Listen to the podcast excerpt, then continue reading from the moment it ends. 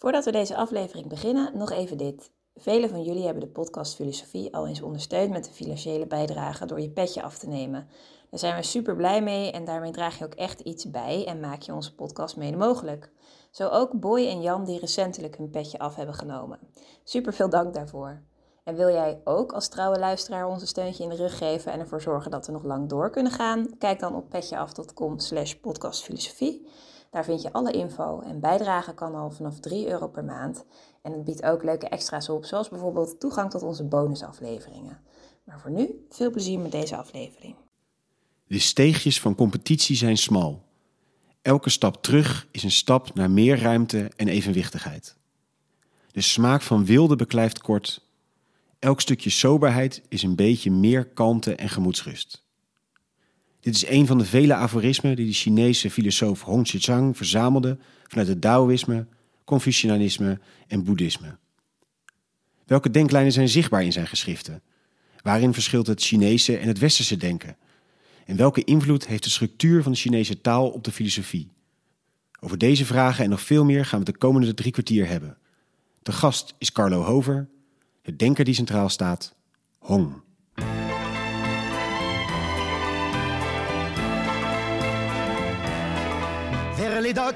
Où le poids et l'ennui me le dos.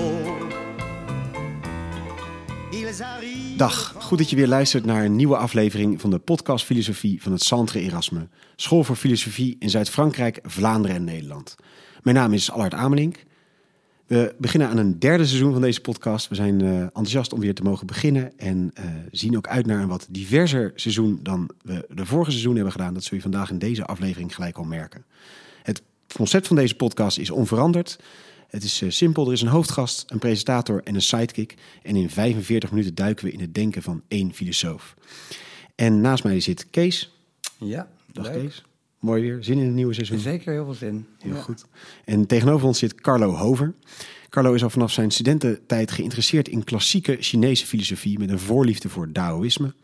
Belangstelling voor Chinese en Japanse kalligrafie inspireert hem om vervolgens klassiek Chinees te gaan leren als autodidact. En dat biedt hem de mogelijkheid om gedichten en filosofische teksten in het origineel te lezen en te vertalen.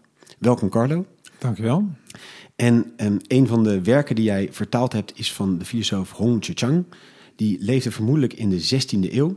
Eh, er is niet veel van hem bekend, wel dat hij een zeer belezen schrijver en denker was en dat hij zich bewoog in de hoogste kringen tijdens het einde van de eh, Ming-dynastie. En tijdens deze periode schreef hij meerdere werken, onder andere wonderbaarlijke sporen van onsterfelijken en boeddha's en wortels van levenskunst. En dit laatste werk is recent vertaald en ingeleid door jou, Carlo. Ja, En ehm, ja, wat we al zeiden, in dat diverse seizoen, dit seizoen, eh, we proberen wat andere, eh, buiten de traditionele westerse filosofie te kijken. En ehm, een hele gechargeerde vraag daarom, maar eh, kunnen wij de Oosterse filosoof, zover die bestaat, eh, net zo benaderen als de westerse filosoof? Of moeten wij op een andere manier deze podcast aanvliegen?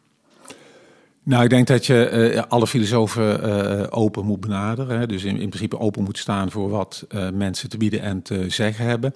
Er is veel discussie geweest, wel in academische kringen, over de vraag of de Chinese filosofie nou wel echte filosofie was, of dat het toch meer een stukje psychologie of zo was. Omdat allerlei eh, vragen die in de westerse filosofie belangrijk gevonden werden, eh, men die niet 1, 2, 3 zag terugkomen. Eh, en men ook vraagtekens zette bij de methodologische hardheid van die filosofie. Ja, zeker ook in latere tijden, dat men vond van nou, dat, dat gaat misschien allemaal wat te impressionistisch eraan toe. Dat is voor een deel een technische discussie. Hè. Inmiddels zie je wel dat er over de hele linie veel aandacht is voor comparatieve filosofie. En, en wordt die vraag in zekere zin eigenlijk gewoon eh, een beetje overgeslagen. En kijkt men gewoon van ja, wat, wat, wat hebben die mensen gedaan en wat is er nu eigenlijk, eh, wat hebben ze nu eigenlijk eh, te bieden? Als je kijkt naar de Chinese filosofie, die is eigenlijk begonnen in wat genoemd wordt de periode van de strijdende staten. Dat was de periode tussen 200 en eh, 500 eh, voor Christus. In die periode eh, had je eh, nog een beperkt aantal staten in wat later dan het Verenigde China zou worden. Die staten streden allemaal om de hegemonie. Hè, dus uh, uh, ze streefden nog geen soort van verenigd rijk toe. Hè, maar dus iemand wilde gewoon de baas worden en alle staten vonden dat zij dat waren. in die tijd is eigenlijk het Chinese denken tot bloei gekomen. om een aantal redenen. Een reden is ongetwijfeld geweest dat er veel ellende was. dus en ellende leidt er eigenlijk al toe dat mensen na gaan denken over waar komt die ellende vandaan en wat kunnen wij doen om die ellende te verhelpen. Uh, een andere reden was dat er in die tijd, uh, ondanks alle ellende en oorlogvoering, toch sprake was van uh, relatieve welvaart in die zin dat sommige mensen relatief veel hadden, andere mensen minder hadden. En dat de groep die relatief veel had wat groter werd. Daar had je uh, allerlei uh, gestudeerde mensen in, want die mensen hadden tijd en geld om te studeren.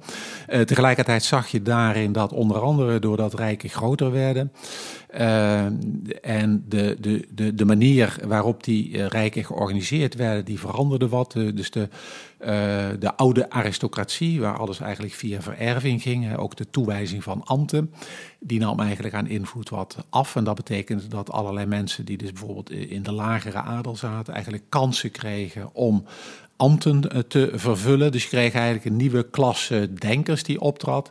Eh, veel van die mensen kwamen overigens niet echt direct aan de bak. En die trokken eh, letterlijk van land tot land om hun ideeën aan de man te brengen. Confucius is daar een heel goed voorbeeld van, want die heeft zelfs 14 jaar rondgetrokken om zijn ideeën te slijten, zou je kunnen zeggen, bij een, van de, bij een van de heersers om die in de praktijk te brengen. En dat die hoopte een... dan dat zijn verhaal werd geadopteerd door die heersers als ja. de officiële leer van, van. Nou, dat zou. Dus, uh, want uh, uh, als je dan kijkt naar wat die leer is, hè, dan, dan geldt eigenlijk voor al die denkers dat ze, dat ze voor een belangrijk deel dus bezig zijn met ethiek. Hè. Dus de belangrijkste vraag in het Chinese denken is: wat moeten wij doen? Hè? Niet wat is er, hè? dus de ontologie, ook niet wat kan ik allemaal weten, hè? de epistemologie. Dat, daar hebben ze wel allerlei dingen over gezegd, maar dat vonden ze eigenlijk relatief onbelangrijk, want ja, de dingen waren er en ja, dat wisten ze ook. Hè. Dus daar, daar, daar zaten ze, ja, wij dus zouden zeggen, naïef realistisch in. Maar ze vonden wel heel belangrijk van wat moeten we doen. En dat, en, dat ligt wat minder aan de oppervlakte. Dat, dat, dat de dingen er zijn, dat zie je gewoon. Maar ja. wat je moet doen... Ja, dat, dat, zie je niet, want de dingen zijn uh, complex, chaotisch, ja. veranderen steeds. Hè, dus daar, daar kan je niet onmiddellijk uh, een, een les uit ontlenen. Uh, dus daar moest over nagedacht worden. En de Chinese filosofie was eigenlijk ook van meet af aan eigenlijk vooral politieke filosofie. Dus het ging erom van hoe moet het Rijk bestuurd worden. De, eh, dus een beroemd uh, werk, wat denk ik de meeste podcastluisters zullen kennen. Dat is het boek van Weg en Werking, de Tao Te Ching van Lao Tzu. Dat is bekend, is ook meerdere malen in het Nederlands vertaald. En volgens de meeste sinologen moet je dat eigenlijk gewoon zien als een vorstenspiegel. Dus een boek wat geschreven is uh, om door een vorst gelezen en in praktijk gebracht te worden. Niet iedereen is daarmee eens, maar laat ik zeggen, de, de, de mainstream opvatting is dat eigenlijk uh, wel. Ook als je kijkt naar Kongse, Confucius, uh, daar gaat het eigenlijk ook vooral om hoe moet een rijk georganiseerd worden. Dus als je in die zin kijkt naar westerse en oosterse filosofie, dan zie je eigenlijk dat aan de westerse kant, als je naar de pre-Socraten kijkt, die zijn eigenlijk vooral bezig met wat is er. Hè? Is het lucht, is het, is het water, is het vuur? Hè? Dus vanuit de elementen. Uh, zijn op een gegeven moment ook bezig met uh, wat kunnen we allemaal weten. Uh, en ja, eigenlijk is, is vooral bij Socrates, die we dan in de tijd overigens nog wat parallel kunnen duiden met die denkers in, in China, is de ethiek erg belangrijk geworden. Maar eigenlijk zie je bij Plato al dat voor een deel toch, ja, daar wordt het eigenlijk ook in zekere zin, zou je kunnen zeggen, ook weer een politieke filosofie. Maar er zit wel heel sterk een, een ontologie, dus een zijnsleer achter van wat er nu eigenlijk is. En dat is denk ik ook wel een aardig punt om uh, aan te roeren. En als je nou dus willen zeggen, waar ligt dan even los van die, van wat dan, je zou kunnen zeggen, het doel van de filosofie is. Hè, dat is dus gewoon zorgen dat het Rijk goed bestuurd wordt. Als je dan uh, kijkt naar een ander belangrijk verschil, zou je kunnen zeggen, en dan uiteraard uh, gechargeerd, hè, dat de westerse filosofie eigenlijk toch primair bezig geweest is met het kijken naar wat er nu eigenlijk werkelijk is. Hè, dus is geïnteresseerd in wat er in een stabiele, hè, eeuwige, ware zin eh, bestaat en is. En met, name Plato is daar dan uh, de exponent uh, van. Hè, die, die zoekt naar ideeën die absoluut en eeuwig zijn. En, als de bekende ideeënleer van... De bekende ideeënleer ja. van Plato, inderdaad. En als je kijkt, en in die zou je kunnen zeggen... de westerse filosofie is dinggeoriënteerd. Hè, de dingen, en dat kunnen ook immateriële dingen zijn. Dat ideeën, ideeën zouden ook die dingen kunnen... Hè, maar dat zijn dus wel dingen uh, die, uh, als het goed is, hè, want dan, hebben ze dus, uh, dan zijn ze ook in, in, in, ethische zin, als het ware goed, eeuwig en onveranderlijk zijn. En in het Chinese denken gaat men eigenlijk veel meer uit van dat, dat er echt processen zijn. Dus er, allerlei dingen zijn eigenlijk voortdurend in flux en in verandering. Dat is een cyclisch denken. Dus dingen hebben de neiging om in hun tegendeel om te slaan.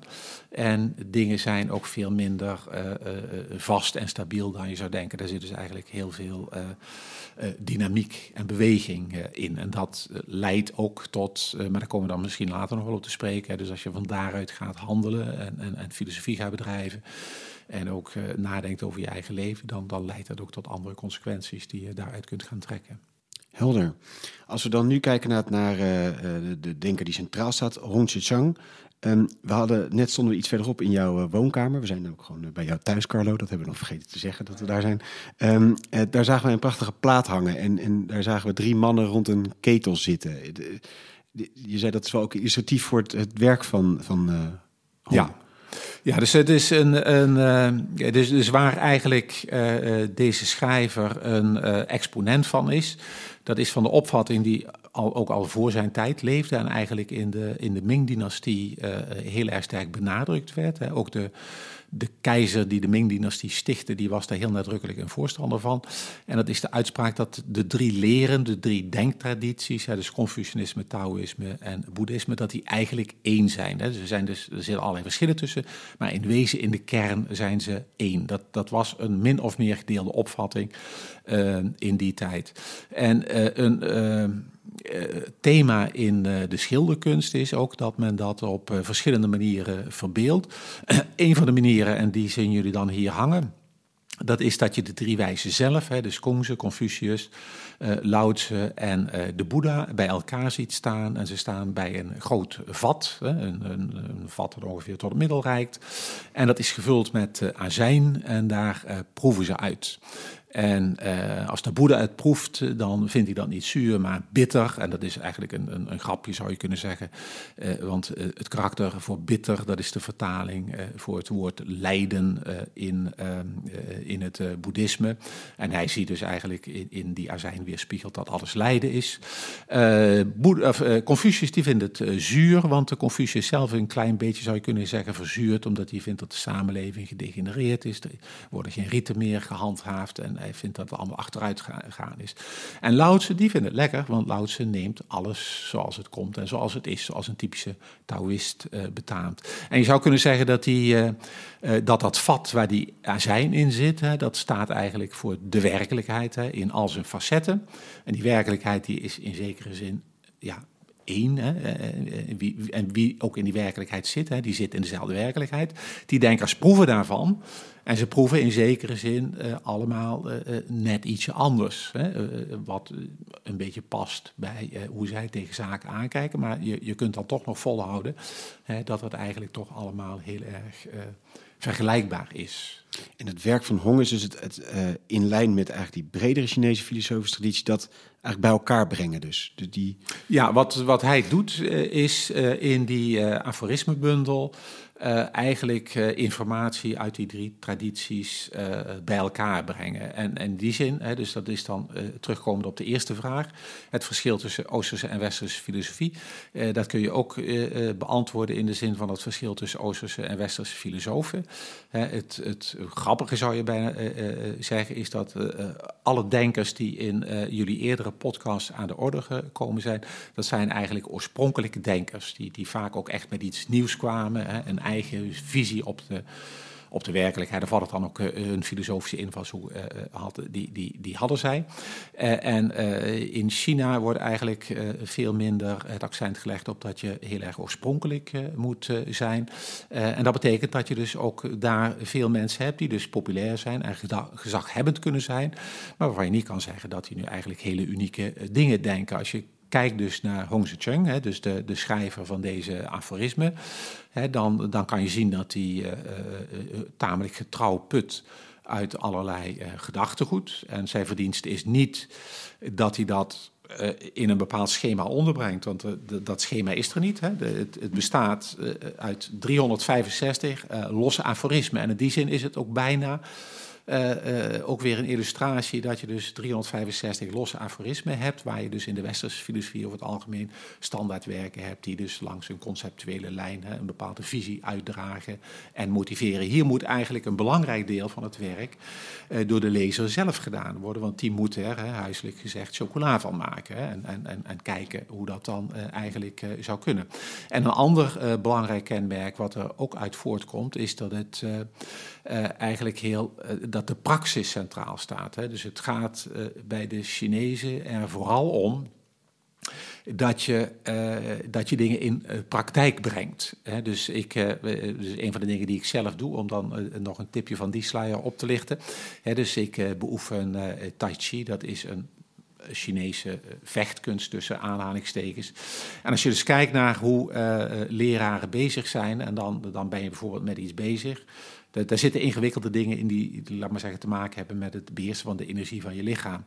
en als je dan uh, zegt van, uh, ik denk dat het zo moet, hè, dan zegt zo'n leraar, in dit geval was een Chinees die dus in Engeland woonde, die zegt dan show me. en als je dus niet kan laten zien dat je die energie op een bepaalde manier aan kan sturen, dan zegt hij, ja, alles wat je zegt, dat is, ja, laat maar zeggen, gelul. Want dus als je het niet kan laten zien, hè, mm dus niet tell me, maar show me.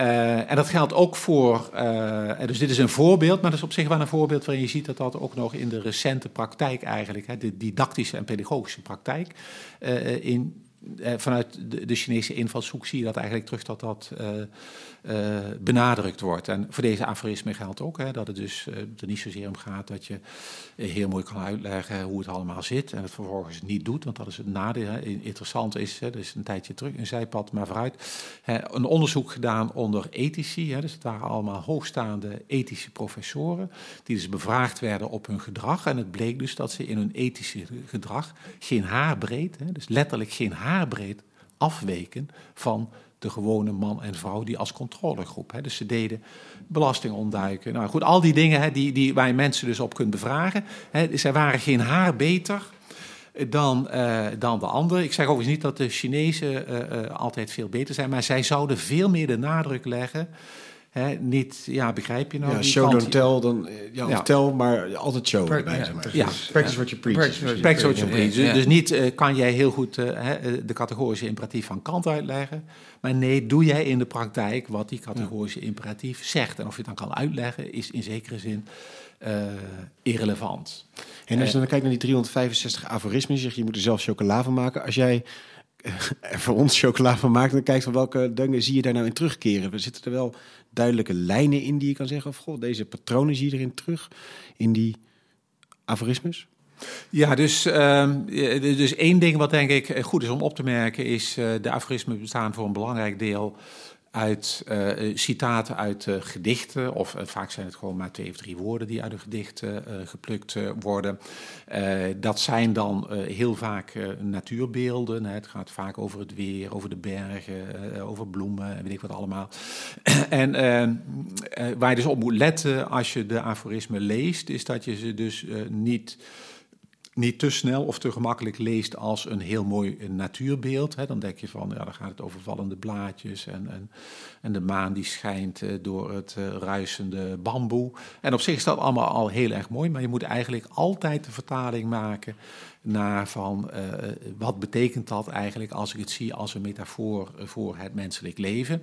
En want we hadden het eerder over het feit dat de werkelijkheid is ingewikkeld, hè, en dat, dat is die ook. En de werkelijkheid hè, die die is gegeven, maar die leidt niet altijd tot een, een heel helder antwoord. Maar eh, vooral als je kijkt vanuit het Taoïsme, is hun redenering wel dat, dat als je naar de natuur kijkt, hè, dat je dan eigenlijk heel veel handreikingen krijgt. Hè. Dus van Taoïsme zou je kunnen zeggen dat is als het ware een naturalistische ethiek. Hè. Dus dat je je eh, laat, en, en in, in die zin zou je nog een vergelijking kunnen trekken met Spinoza, die, die, die sowieso voor Taoïsme vergelijkbaar is, omdat dat begrip natura naturans, hè, dat is eigenlijk een soort ja, immanerende werkelijkheid. Die lijkt heel sterk op hoe Taoïsten er tegenaan kijken. We hebben Spinoza vorig jaar uh, ja, een keer... Ja. keer uh, klopt, dus, ja. ja. de natura naturans kwam niet aan de orde. Vond nee. ik dan jammer, maar dat maakt niet veel uit, nee. want het was verder wel een goede podcast. Maar dus daar zie je eigenlijk ook dat door de gelijkschakeling van God en natuur bij de ethiek, hè, hij werkt er overigens volstrekt anders uit, dus het is niet zo dat je dat op één lijn... Maar, maar daar zie je dus, laat ik zeggen, uh, in, in een westerse filosoof iets vergelijkbaars. Maar dus als het gaat over natuurverschijnselen, dan is dat iets wat voor de Chinezen eigenlijk vaak één op één vertaald moet worden op uh, de menselijke samenleving, omdat zij ook in principiële zin niet zoveel verschil zien tussen uh, laten we zeggen, een boom en een mens. Dus ze hebben minder, ze zien er wel verschillen tussen, maar ze hebben uh, minder het absolute verschil wat je in de westerse filosofie zit. De mens is een denkend wezen en een rationeel wezen. Wij hebben de logos en wij, wij, wij zijn fundamenteel anders dan planten, stenen en, en, en beesten. en zij vinden heus ook wel dat ze anders zijn, maar ze zien daar, laat ik zeggen, meer een soort continuum in. En als het dus bijvoorbeeld gaat over, dus een, een goed voorbeeld is veel Afrikaanse gaan over het weer. Hè, en dan is het vaak, uh, ja, som, sommige dingen zijn uh, een beetje zo banaal als uh, na regen komt zonneschijn, zou je kunnen zeggen. dat benadrukt dan als het ware dat kortcyclische. Maar de, de les is er eigenlijk één die betrekking heeft op emotiehuishouding. Want wat ze zeggen is dat je je emoties eigenlijk moet vergelijken met het weer. Emoties zijn min of meer spontane uitingen uit je gemoed die wellen spontaan op. En, en, die kunnen ook een, nog een ethische reden hebben. Je kunt, een belangrijk voorbeeld is, is, is Mencius, die het voorbeeld heeft van een kind dreigt in een, uh, in een put te vallen. En iedereen is dan, schrikt dan en gaat onmiddellijk dat kind redden. Hè. Dat is dus een natuurlijke emotie uh, volgens hem. Uh, en die is dus eigenlijk uh, best goed. Ehm, maar wat, als je dus je spiegelt aan het weer, dan zal je zien dat, dat weersomstandigheden letterlijk overwaaien.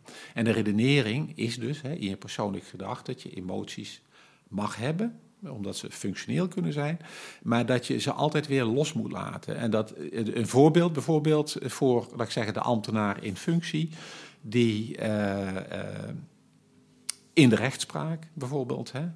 Dus je kunt kwaad worden op een misdadiger omdat hij iets verkeerd gedaan hebt, maar je moet niet je kwaadheid voeden. Dus als het ware, uh, wat we in populistische kringen vaak zien, dat, dat je vanuit de emotie gaat overschreeuwen en probeert die emotie in stand te houden. En in principe probeer je dan de emotie over te dragen op een ander. En zij zullen zeggen, hè, dus net als je hebt een regenvlaag, misschien een orkaan, die heeft ontzettend veel kapot gemaakt. Hè? Dus de natuur is niet uh, alleen maar heel erg lief. Maar dan gaat de wind gewoon liggen. En dan is het niet zo dat, dat het weer eigenlijk nog vindt dat het door had moeten gaan. Want dan is het gewoon klaar. En de les is dus eigenlijk van, dus uh, laat je emoties eigenlijk meteen weer los.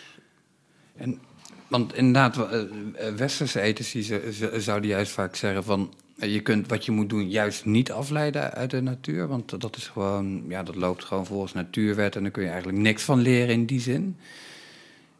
Maar goed, de, de Chinese filosofie doet het precies andersom. Dus dat, dat... Die doet het. Uh, er, zijn, er zijn uiteraard ook verschillende ja. uh, leerscholen uh, ja, in. Hè? Dus het is niet zo dat je dat in. laat ik zeggen, een, een ander belangrijk voorbeeld waarin je dat vaak ziet terugkomen, is het idee van cyclisch denken. Hè? Dus waar de Chinezen sterk van uitgaan is dat uh, er is een cyclisch verloop. Je hebt, nou ja, de zon en de maan komen op en gaan onder. Je hebt de vier seizoenen enzovoort enzovoort. Hè. Dus nou goed, dat, dat is op zichzelf allemaal bekend.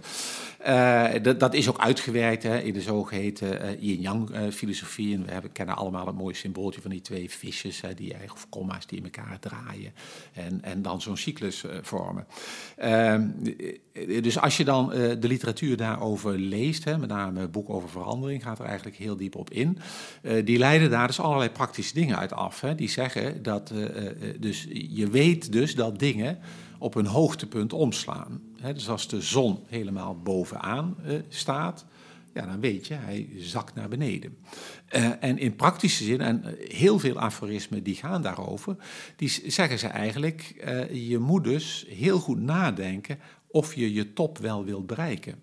want daarna gaat het per definitie uh, bergaf, zou je kunnen zeggen. Uh, dus uh, we, kennen allemaal het, het Peter Principle. Dat is in de jaren zestig door een, iemand die heeft heel veel carrièrepatronen onderzocht. En wat hij eigenlijk, Peter Principle stelt eigenlijk dat in een, laat ik zeggen, in een bureaucratische, georganiseerde samenleving mensen carrière maken tot en met hun niveau van incompetentie. En dus je gaat steeds verder op en, en je, je komt eigenlijk steeds beter op je plek. En dan ben je dus een hele goede leraar. En dan denk je, laat ik maar een schooldirecteur worden. En dan blijkt dat je wel goed kan lesgeven, maar je kan geen goede schooldirecteur zijn. Of je bent een goede schooldirecteur en je denkt, ik word bestuurder van een aantal scholen. En dan blijkt je dat niet te kunnen. Of je denkt, laat ik minister worden.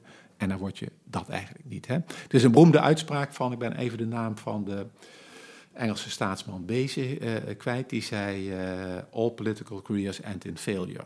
dus alle politieke carrières eindigen gewoon met een mislukking, omdat mensen te lang blijven zitten. dus hun houdbaarheidstermijn eigenlijk overschrijden. En dan dus uh, fouten maken. Ja, en demotie en, eigenlijk ook nooit een optie is. Dus promotie is een optie, maar demotie zeggen, niet. Dit, is, dit, dit, was het niet, ik doe een stap terug. Dat is snel uh, slecht haalbaar. Nee, dat doen ze niet. Dus je ziet veel aforismen die zeggen dat je een stap terug moet doen.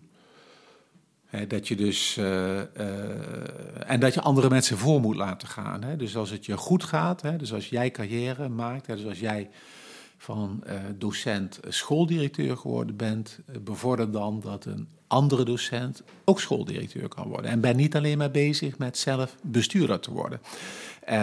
En dat is dus iets wat eigenlijk ja, bijna één op één volgt uit een bepaalde. Het is uiteraard een bepaalde visie. Je kunt uit de natuur allerlei dingen halen. Hè. Zij halen dat idee van dat cyclische eruit en waarschuwen dus heel sterk voor die omkering. Dat heeft voor een deel ook te maken met het feit dat zij dus leefden in gewelddadige tijden. Hè. Dus je moet echt denken aan een, een soort van krijgsheren-situatie. Uh, uh, zoals, ik zeggen, in delen van het Midden-Oosten hebben, waarin je dus, als je iets doet wat iemand niet zint, echt gekielhaald wordt. Hè. Dus het idee dat je behoedzaam moet zijn in je carrière, dat je behoedzaam moet zijn om tegen te sputteren, dat komt voort uit het feit dat je in die tijd gewoon terechtgesteld werd als iets, iemand niet zinde.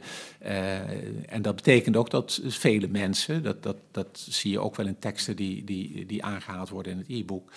Uh, veel mensen ook hun best deden, uh, bij wijze van spreken, om dus niet voor een ambt gevraagd te worden. Er is een heel beroemd voorbeeld van Zhuangzi, dat is de, de tweede uh, Chinese filosoof. En, en, om even reclame te maken, als je ook maar één ding zou willen lezen over de Chinese filosofie, dan moet je de Zhuangzi lezen. Dat zal je nooit ongemoeid en onveranderd laten. Dus dat is echt het, het, het eh, eh, ja, je kunt eigenlijk wel zeggen, een van de weinige dingen die, die eigenlijk iedereen met vrucht kan en zou moeten lezen.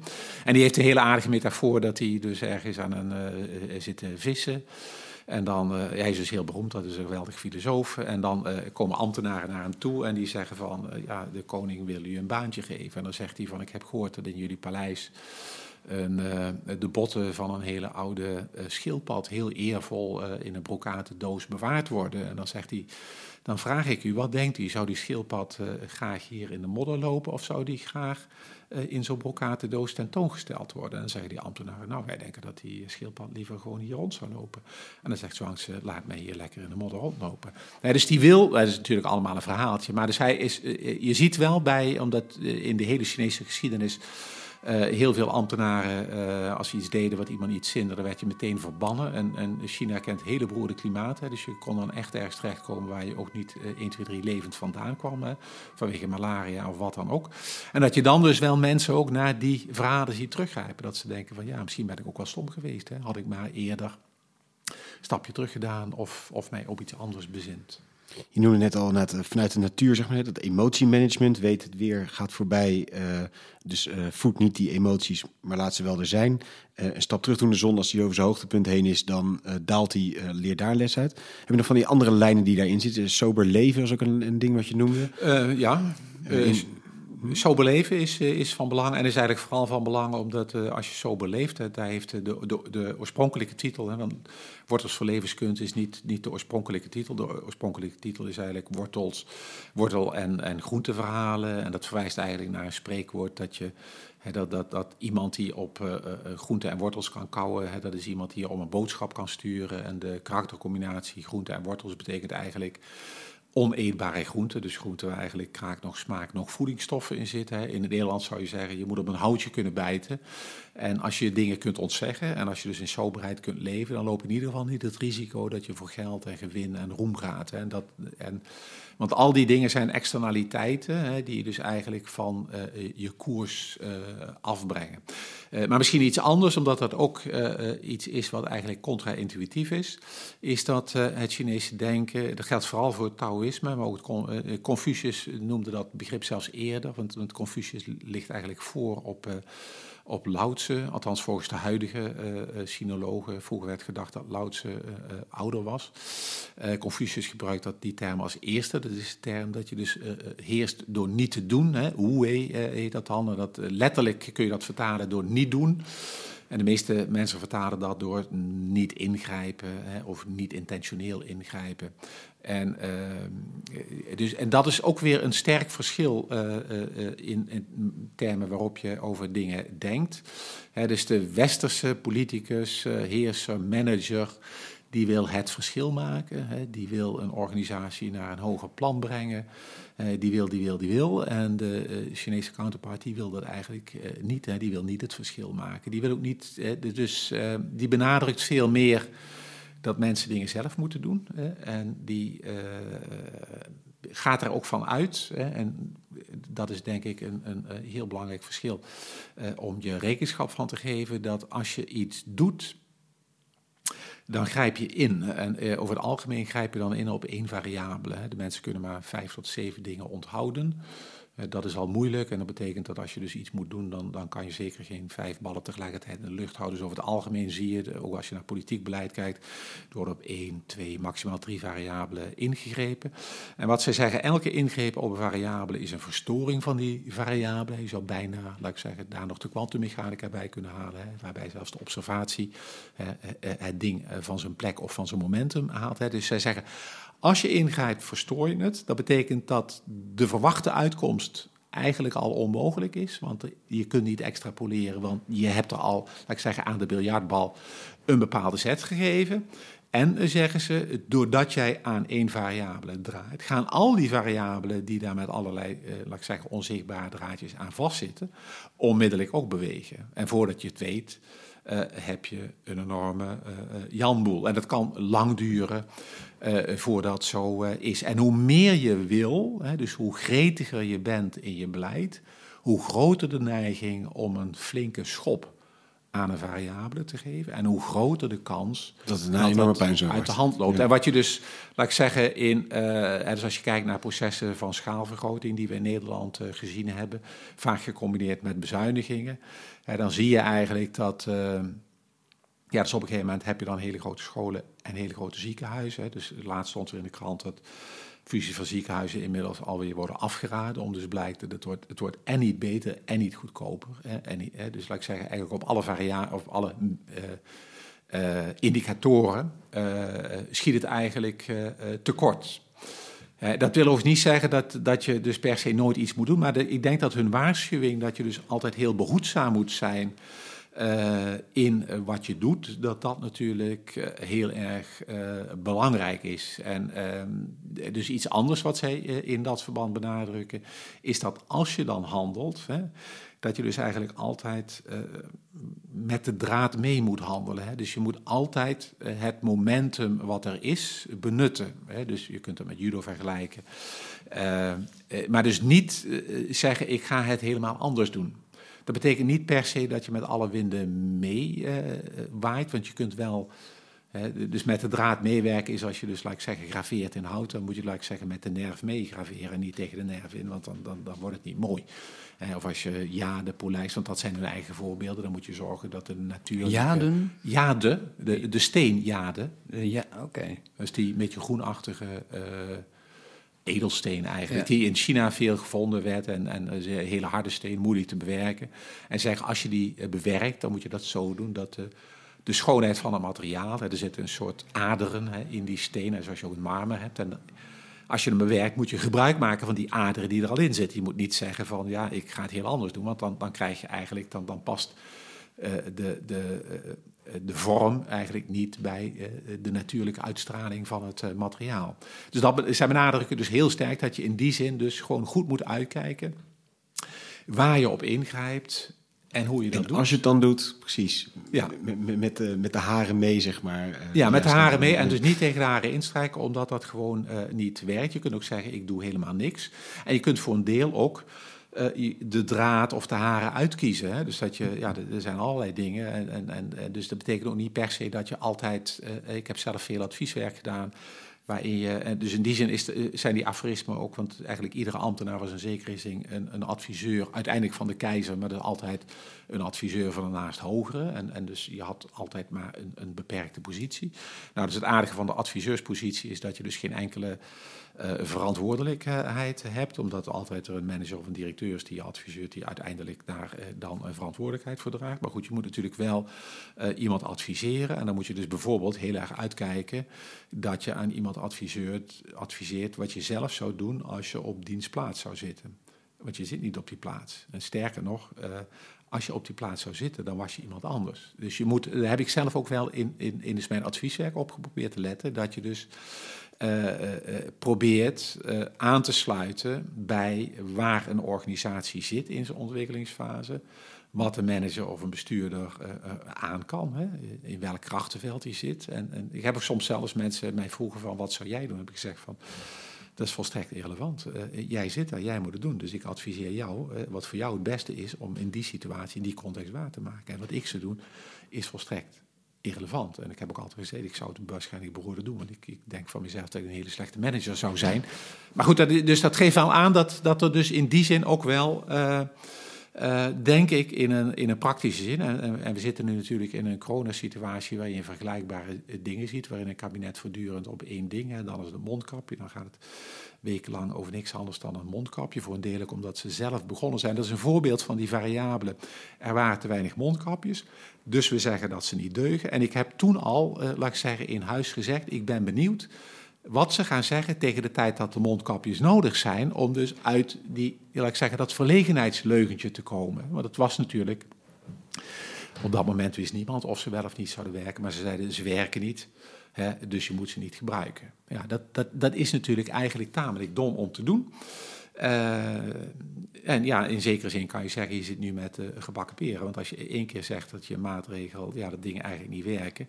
Ja, ja waarom moet ik dan op de wallen een, een, mondkapje dragen als eigenlijk iedereen vindt dat het niks oplevert?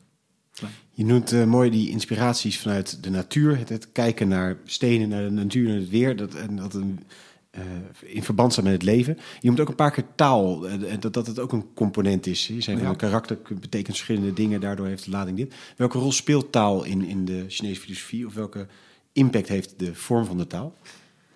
Ja, dat is een, uh, een hele goede vraag, maar ook een hele moeilijke vraag, omdat daar verschillend over gedacht wordt. Dus in de, in de taalfilosofie had je de Shapira-Wolff-hypothese, uh, die een tijd lang heel populair was. en die zei eigenlijk dat de, de taal het denken bepaalt. En, en als je daarvan uitgaat, dan zou je dus zeggen dat verschillende talen dus verschillende vormen van denken uh, zouden uh, impliceren. Uh, later is dat sterk genuanceerd. dus de meeste mensen geloven niet dat dat in die, in die absolute zin waar is. Maar ik denk dat veel taalfilosofen wel zullen erkennen dat de manier waarop je, dat de manier waarop je praat, en dat is voor een deel ook niet helemaal, maar het is voor een deel ook wel de manier waarop je denkt, dat die wel iets, iets uitmaakt voor wat er dan aan gedachten uitkomt. Je moet, als het over dat thema gaat, altijd bedenken dat uh, uh, althans daar hoef je niet mee eens te zijn, maar dat zou ik zelf wel zeggen. De werkelijkheid is in elke taal dezelfde werkelijkheid. Dat is op zich een problematische uitspraak, maar ik zou en, en dat betekent dat dat dus, dus ook ja, talen, denk ik, zich maar in beperkte mate ook van die werkelijkheid los kunnen zingen. Dus, dus er moet toch iets van een relatie zijn tussen wat er is en wat er niet is. Maar dan is dus uh, op zich interessant uh, aan het Chinees al dat de woordenschat relatief beperkt is. En dat, of ja, eigenlijk moet je dan niet zeggen.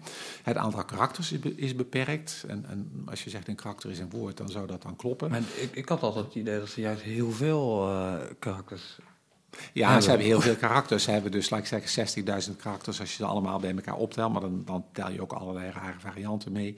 En oude, uh, ongebruikte varianten mee. Hè. je kunt uh, in feite met uh, 10.000 karakters prima uit de voeten. als je die 10.000 karakters vergelijkt met de Oxford Dictionary of English. De, de, het, ik geloof dat 500.000 woorden of zo zijn. Die het, het Engels heeft enorm veel woorden. En het grappige van het Engels is dat het Engels dus voor allerlei dingen waarvoor zelfs het Nederlands de combinatie van een bijvoeglijk naamwoord en een zelfstandig naamwoord uh, nodig heeft om dus een specifiek uh, uh, iets aan te duiden, je in het Engels vaak gewoon één woord hebt om dat aan te duiden. Dus ze hebben vaak gewoon voor allerlei dingen, hè, ik, ja, schiet mij zo 1, 2, 3 geen voorbeeld te binnen, maar ze hebben voor allerlei dingen dus gewoon heel veel verschillende woorden. En wij hebben er één woord voor en de bijzonderheid van dat ding, hè, die duiden wij dan aan met een uh, bijvoeglijk naamwoord. In het China heb je relatief weinig karakters. En dat betekent dat die karakters, uh, duur gezegd, dan semantisch polyvalent zijn. Dus dat betekent dat die heel veel dingen tegelijkertijd kunnen betekenen. Dus je hebt een, een, woord heeft dus een brede betekenis. Dus als je, je hebt bijvoorbeeld het karakter voor boom, maar dat betekent ook hout. En dat kan ook geboomte betekenen. En dus wij hebben daar, uh, en het kan ook, dat komt er ergens voor in de aforisme. Dan, dan wordt er dus over een houten persoon gesproken. Wij zouden zeggen, die man of vrouw heeft een plank voor de kop. Dus dan heb je eigenlijk allerlei verschillende begrippen die dus met één karakter worden aangeduid. Een voorbeeld wat in de aforisme voorkomt is ook, dan gaat het over een uh, een jong talent. Hè, en dan wordt er vergeleken met een bloesem. Uh, en uh, dat wordt dan eigenlijk aangeduid als kortstondig. maar dat kortstondig, dat betekent ook sterfelijk. En dat kan ook de dood betekenen, omdat dus, de bloesem leeft maar kort. En dat betekent dat hij doodgaat.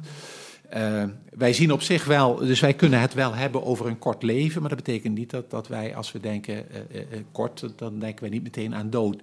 in het Chinees heb je dus bij heel veel karakters dat er eigenlijk enorm veel betekenissen mee resoneren. En dat als iemand dus een bepaald karakter ge gebruikt, je eigenlijk altijd een, een hele, hele uh, boel betekenis nou, mee zult, klinkt niet uh, aantrekkelijk, maar ja, dus het woord resoneren vind ik beter. Dus er deint van alles mee in die betekenis. En dat betekent dat teksten in die zin dus rijk zijn om te lezen. Uh, omdat je dus altijd moet kijken. En ik heb daar dus ook voorbeelden van gehad. Dan zit je, loop je vast in het. Dan denk je van, ja, wat is er nou? Ik kom er helemaal niet uit.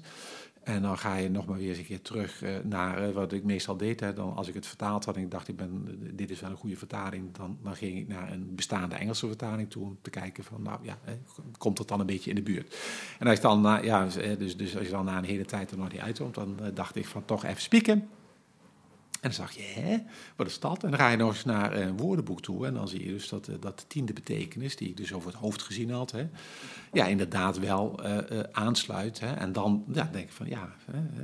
en zelfs toch dat woorden, zei je net, je zei nu een beetje zelfstandig namen, bijvoeglijk naamwoorden, maar ook als werkwoord gebruikt kunnen worden, toch zelfs? Ja, dus je kunt, je, je, kunt dus in het, in het Chinees...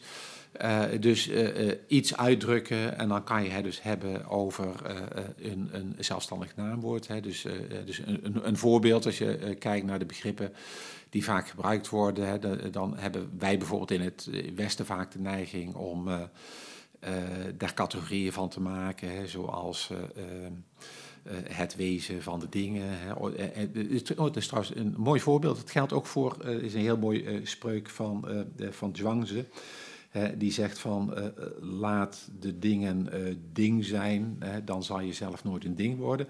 En waar wij nou zeggen laat de dingen ding zijn, dat betekent gewoon, daar staat er alleen maar ding, ding. Dus het karakter voor ding en nogmaals het karakter voor ding. De eerste keer is het dan een zelfstandig naamwoord.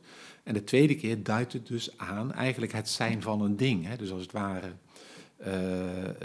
de, de aanwezigheid en, en de dynamiek van het ding. En omdat je in het Chinees nooit weet uh, hoe je dat werkwoord moet lezen, is het in dit geval dan een soort aansporende wijze. Van laten, laten dingen hun ding doen, zouden wij dan bijvoorbeeld vertalen. Ja, maar dus hun ding doen is bij hen dus gewoon dingen. Hè? En dat, dus de, de beroemde eerste regel van de Tao Te Ching, die, gaat dan, die wordt dan meestal vertaald over de Dao waarover je kunt spreken. Maar er staat dan Tao ke Tao, dus Dao kunnen Dao.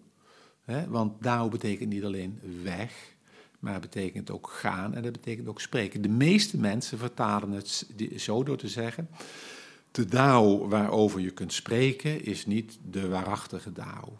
Maar je kan ook zeggen: de, de weg waarop je kunt lopen is niet de waarachtige weg. Beide zijn ook in het Taoïstisch denken volstrekt prima kloppende uh, vertalingen. Maar leidde dus meteen eh, tot iets heel anders, omdat het, het eerste leidt eigenlijk tot een ontologische lezing. De Dao waarover je kunt spreken is niet de ware Dao. Dat betekent dat dus de echte Dao onttrekt zich eigenlijk aan het spreken. Een beetje Wittgensteiniaans, ja. waarover je niet kunt spreken moet je zwijgen. En die andere is eigenlijk veel meer eh, uh, je zou kunnen zeggen ethisch. Hè? De weg die je niet kunt bewandelen, of de weg die je kunt bewandelen, hè, is niet de ware weg. Hè? Dus dat betekent dat al die dingen zijn eigenlijk contingent. Hè? Maar dus er zit iets boven wat eigenlijk hè, in al die situaties een bepaalde geldigheid zou kunnen hebben. Dus dan krijg je twee hele. Uh, en dat, dat, kan dus ook bij de. je kunt dat ding, laat ik zeggen, heel erg taalfilosofisch lezen, heel erg ontologisch, heel erg epistemologisch en ook heel erg politiek filosofisch. Dankjewel, Carlo. Ik uh, denk dat we. Uh, we begonnen met de vraag van goh, waarin verschilt nou gechargeerd de Oosterse filosofie en de Westerse filosofie. Maar ik denk dat je door dit laatste punt wordt denk ik ook heel inzichtelijk dat, die, dat er echt een, een wereld van verschil tussen zit. In, uh, alleen als al de taalstructuur is al zo anders, een stuk ambivalenter dan misschien die Westerse uh, traditie. Um, omdat je dat zei, dat als je waar grofweg een paar chargerende verschillen aanduidt, zeg je dat in de, in de Chinese filosofie-traditie gaat het veel minder over de werkelijkheid, de ware werkelijkheid kennen, de, de ultieme dingen duiden, maar gaat het eigenlijk veel meer over processen, over een cyclisch denken en over een ethiek, over een politiek, het goede doen, het, het, uh, het rijk goed besturen. In plaats van waar toch het westerse denken, zeker vanaf Plato heel erg gaat over van ja, wat zijn nou de ware aard der dingen, de ontologie, de epistemologie. En um, dat is al een, een duidelijk soort verschil van, van, van insteek. Um, en een ander belangrijk verschil wat we hoorden en waar we dus nu ook over Hong Chichung hebben gehoord, is um, het gaat niet zozeer over van wat is nou zijn meest onderscheidende, oorspronkelijke nieuwe ding wat hij doet, maar het gaat juist over dat hij samenbrengt, syncretiseert van wat hij uit drie grote stromingen meepakt: het Taoïsme, Confucianisme en het Boeddhisme. En eigenlijk laat zien hoe die drie stromen, het beeld van de, de ketel waar de drie mannen uit, uh, dronken, uh, drie verschillende perspectieven op uh, de werkelijkheid zijn, maar dat is dezelfde gegeven werkelijkheid waar we allemaal in zitten. En door die nadruk op die ethiek en op ook de politieke ethiek uh, gaat het niet heel erg over de meest waanzinnige dingen kunnen bedenken, maar eigenlijk ook veel meer over practice what you preach. Het laten zien dat je denken meer is dan alleen een, een cognitief iets. We moeten uh, daarmee ook die, uh, die bijvoorbeeld in dit geval anders lezen. het gaat veel meer over een, een op kouwen in plaats van alleen plat even de, de, de strekking tot ons nemen. Zeker omdat er bijvoorbeeld veel verwijzingen naar natuurzaken in zitten, waar je voorbij de mooie bloemrijke taal en het mooie beeld van de natuur moet kijken, maar naar de diepere betekenis daarachter. Nou, een paar lijnen heeft Carlo eruit gelicht. Net. bijvoorbeeld de emoties die je kan zien vanuit het weer. Um, de zon die over zijn hoogtepunt heen gaat, of de seizoenen die keren, uh, moet je dan wel die top willen bereiken, want dan gaat het dus de na neergang in. Uh, soberheid, uh, maar ook de waardevol van niet doen, niet intentioneel ingrijpen als een belangrijk gegeven. En als je dan ingrijpt, juist meebewegen, zoals je ook een jade zou bewerken, dat je dan met de bestaande groeven ook meegaat in plaats van daar dwars tegen ingaat. Um, op die manier uh, zien we denk ik ook een paar mooie lijnen hebben naar de, de actualiteit gehoord. Uh, Carlo noemde zijn eigen advieswerk. We hebben schaalvergroting in het onderwijs of in ziekenhuizen. over onze persoonlijke carrièreadviezen, dat we daar inderdaad mensen altijd één stap te hoog eindigen en daarmee elke carrière eindigt in failure. maar ook inderdaad in hedendaagse politiek handelen. ja, je kunt maar op één variabele vaak inschatten of je moet handelen. je ziet eigenlijk nooit in wat je allemaal daarmee bewerkstelligt. Dus er is weer een grotere terughoudendheid, een soort schroom die je moet hebben eigenlijk om in te grijpen. Tot slot dat punt van de taal, dat na het mooie term die ik heb opgeschreven, het semantisch polyvalent uh, van de, de karakters in het Chinees. Dat zijn er eigenlijk dus helemaal niet zoveel als het vergeleken 60.000 of iets dergelijks met bijvoorbeeld het Engels. Um, en dat betekent dat ook die talen eigenlijk wat, ja, wij zouden bijna zeggen, poëtisch allerlei verschillende betekenissen kunnen hebben. En dus ook met één karakter een veel breder palet aan betekenissen doorresoneert. Wat maakt dat nou, bijvoorbeeld de aforismes die jij hebt vertaald, Carlo, een stuk omvangrijker en dieper en meer in zich eigenlijk hebben dan wij misschien altijd wel nog kunnen begrijpen, haast omdat we die taal niet, dat bij ons minder zo mee resoneert. Een, zeer interessant inkijkje in deze wereld eigenlijk een beetje zoals gezegd, gechargeerd. We pakken nu één denker eruit en hebben eigenlijk daarmee iets over de hele Chinese filosofie willen zeggen. De vraag is of dat helemaal terecht is. Maar zeer veel dank voor je verhaal, wat ook zeer helder was volgens mij. En zo'n mooi inkijkje gebracht. Kees, dank. En vooral jij ook bedankt voor het luisteren. Mooi dat we weer een nieuw seizoen zijn begonnen. En uh, we waarderen alle reacties die we krijgen uh, in de loop van het jaar. Um, deel vooral de podcast. Laat vooral een positieve reactie achter als je dat, uh, onze podcast waardeert. En graag tot een volgende aflevering.